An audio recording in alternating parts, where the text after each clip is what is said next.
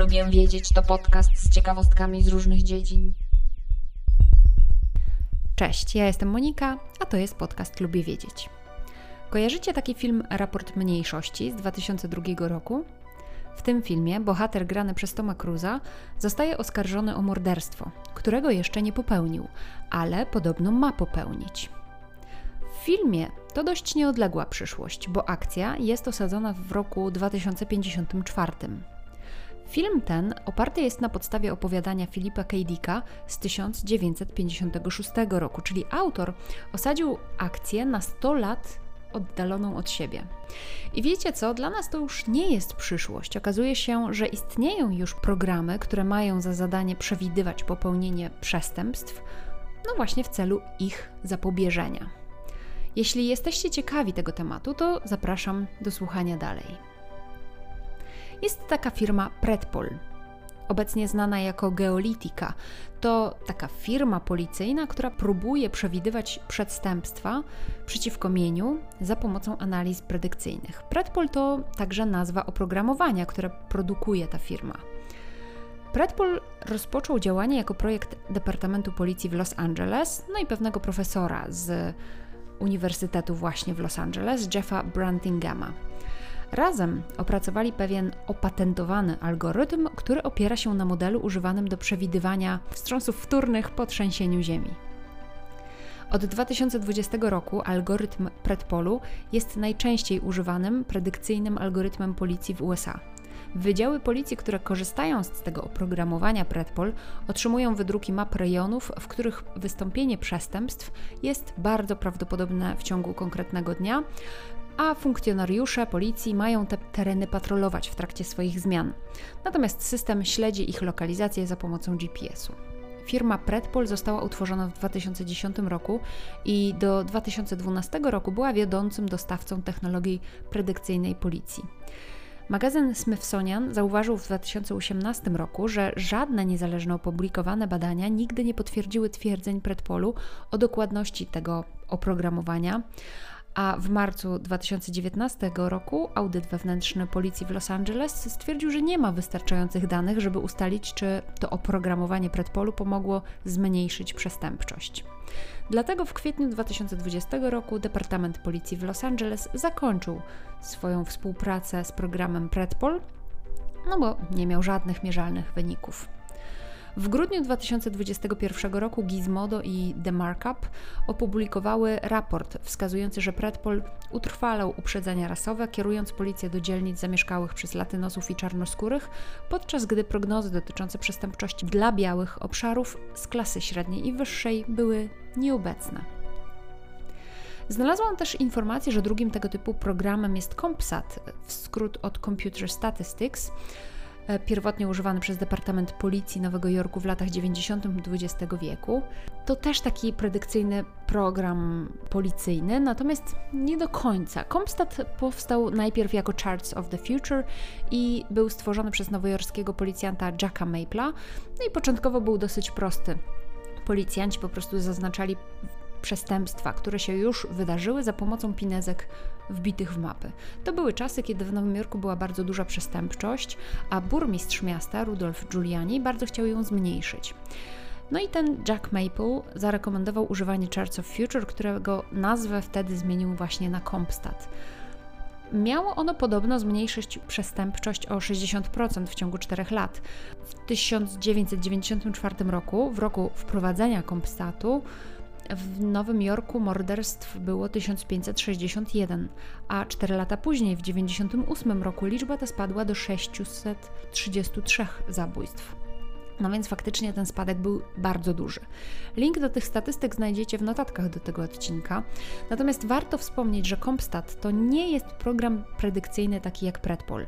Compstat bardzo często zawiera systemy mapowania przestępczości oraz system gromadzenia danych, jednak opiera się w dużej mierze na cotygodniowych spotkaniach zespołów policyjnych z całego miasta, którzy podsumowują przestępstwa, aresztowania i wezwania policyjne.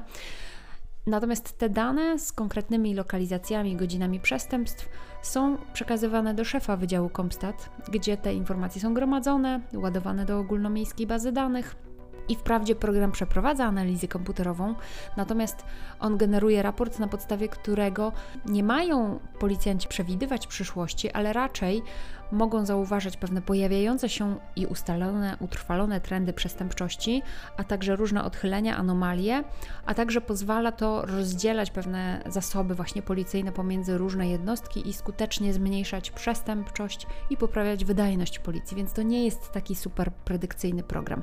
Natomiast inny predykcyjny program stworzyli kanadyjscy naukowcy. Chodzi o sztuczną inteligencję, która przewiduje, jakie nowe narkotyki zostaną wyprodukowane jeszcze zanim one trafią na ulicę. Otóż naukowcy z University of British Columbia nakarmili sztuczną inteligencję listą wszystkich znanych substancji psychoaktywnych, no i ta sztuczna inteligencja ma im pomagać przewidzieć, co nowego można wyprodukować. Tymi wynikami dzielą się z policją, aby ta szukała tych nowych narkotyków na rynku, na ulicach. Jest przynajmniej jeszcze jeden program, a nawet sztuczna inteligencja, której zadaniem jest właśnie przewidywanie przyszłości w zakresie przestępstw i wykroczeń. Jest to program chiński. Sztuczna inteligencja została opracowana i przetestowana przez prokuraturę w Szanghaju, największą prokuraturę okręgową w kraju, jak donosi South China Morning Post może wnieść oskarżenie z ponad 90% dogładnością na podstawie opisu podejrzanej sprawy karnej. Naukowcy z Chin twierdzą, że system może w pewnym stopniu zastąpić prokuratorów w procesie podejmowania decyzji. Powstał on na bazie tzw. Tak systemu 206, sztucznej inteligencji, która pomagała oceniać dowody i ustalać, czy podejrzany jest niebezpieczny dla społeczeństwa. Na bazie tego systemu 206 powstała nowa sztuczna inteligencja, która jest w stanie w taki sposób oceniać akta sprawy, że może zidentyfikować i oskarżyć przestępców o 8 najczęstszych przestępstw w dzielnicy: oszustwa związanymi z kartami kredytowymi, hazardem, lekkomyślną jazdą, umyślną napaścią, utrudnienie pracy funkcjonariuszowi, kradzież, oszustwo, a nawet wykroczeń politycznych. Podobno ta sztuczna inteligencja nie myli się w 97% przypadków, jednak zawsze pozostaje ten margines 3% i krytycy tego rozwiązania, tej sztucznej inteligencji zastanawiają się, kto weźmie na siebie odpowiedzialność za błąd tej sztucznej inteligencji. Jej programista czy prokurator? W rejonie Xinjiang w Chinach powstał też chiński ośrodek kontroli społecznej i eksperymentu dla sztucznej inteligencji. Działa tam tzw. Tak Integrated Joint Operations Platform do identyfikowania podejrzanych i niestandardowych zachowań. System ten monitoruje i zbiera dane o wszystkich mieszkańcach Xinjiangu.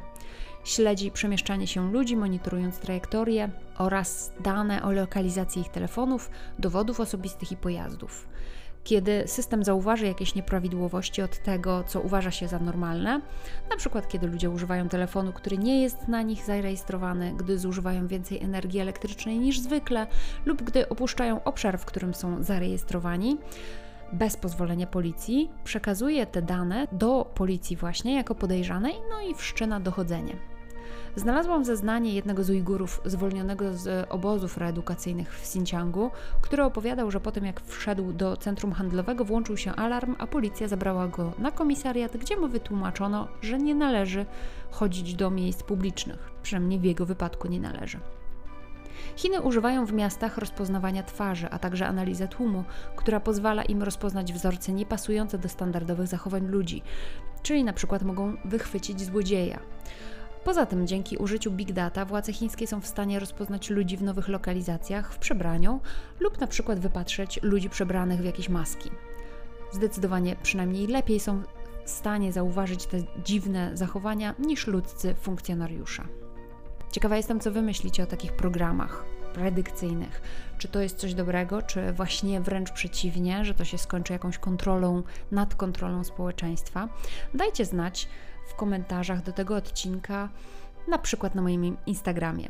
Tymczasem ja dziękuję za wysłuchanie dzisiejszego odcinka podcastu. Zachęcam do subskrypcji, do zajrzenia do notatek tego odcinka, bo tam znajdziecie linki do różnych źródeł informacji, o których dzisiaj mówiłam.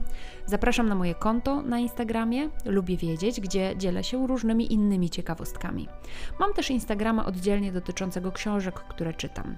Zapraszam na tamto konto Fiszkowa Kartoteka. Jeśli podoba Ci się mój podcast, to możesz mi postawić wirtualną kawę poprzez link, który również zamieszczam w notatkach do tego odcinka. Do usłyszenia, cześć, miłego dnia.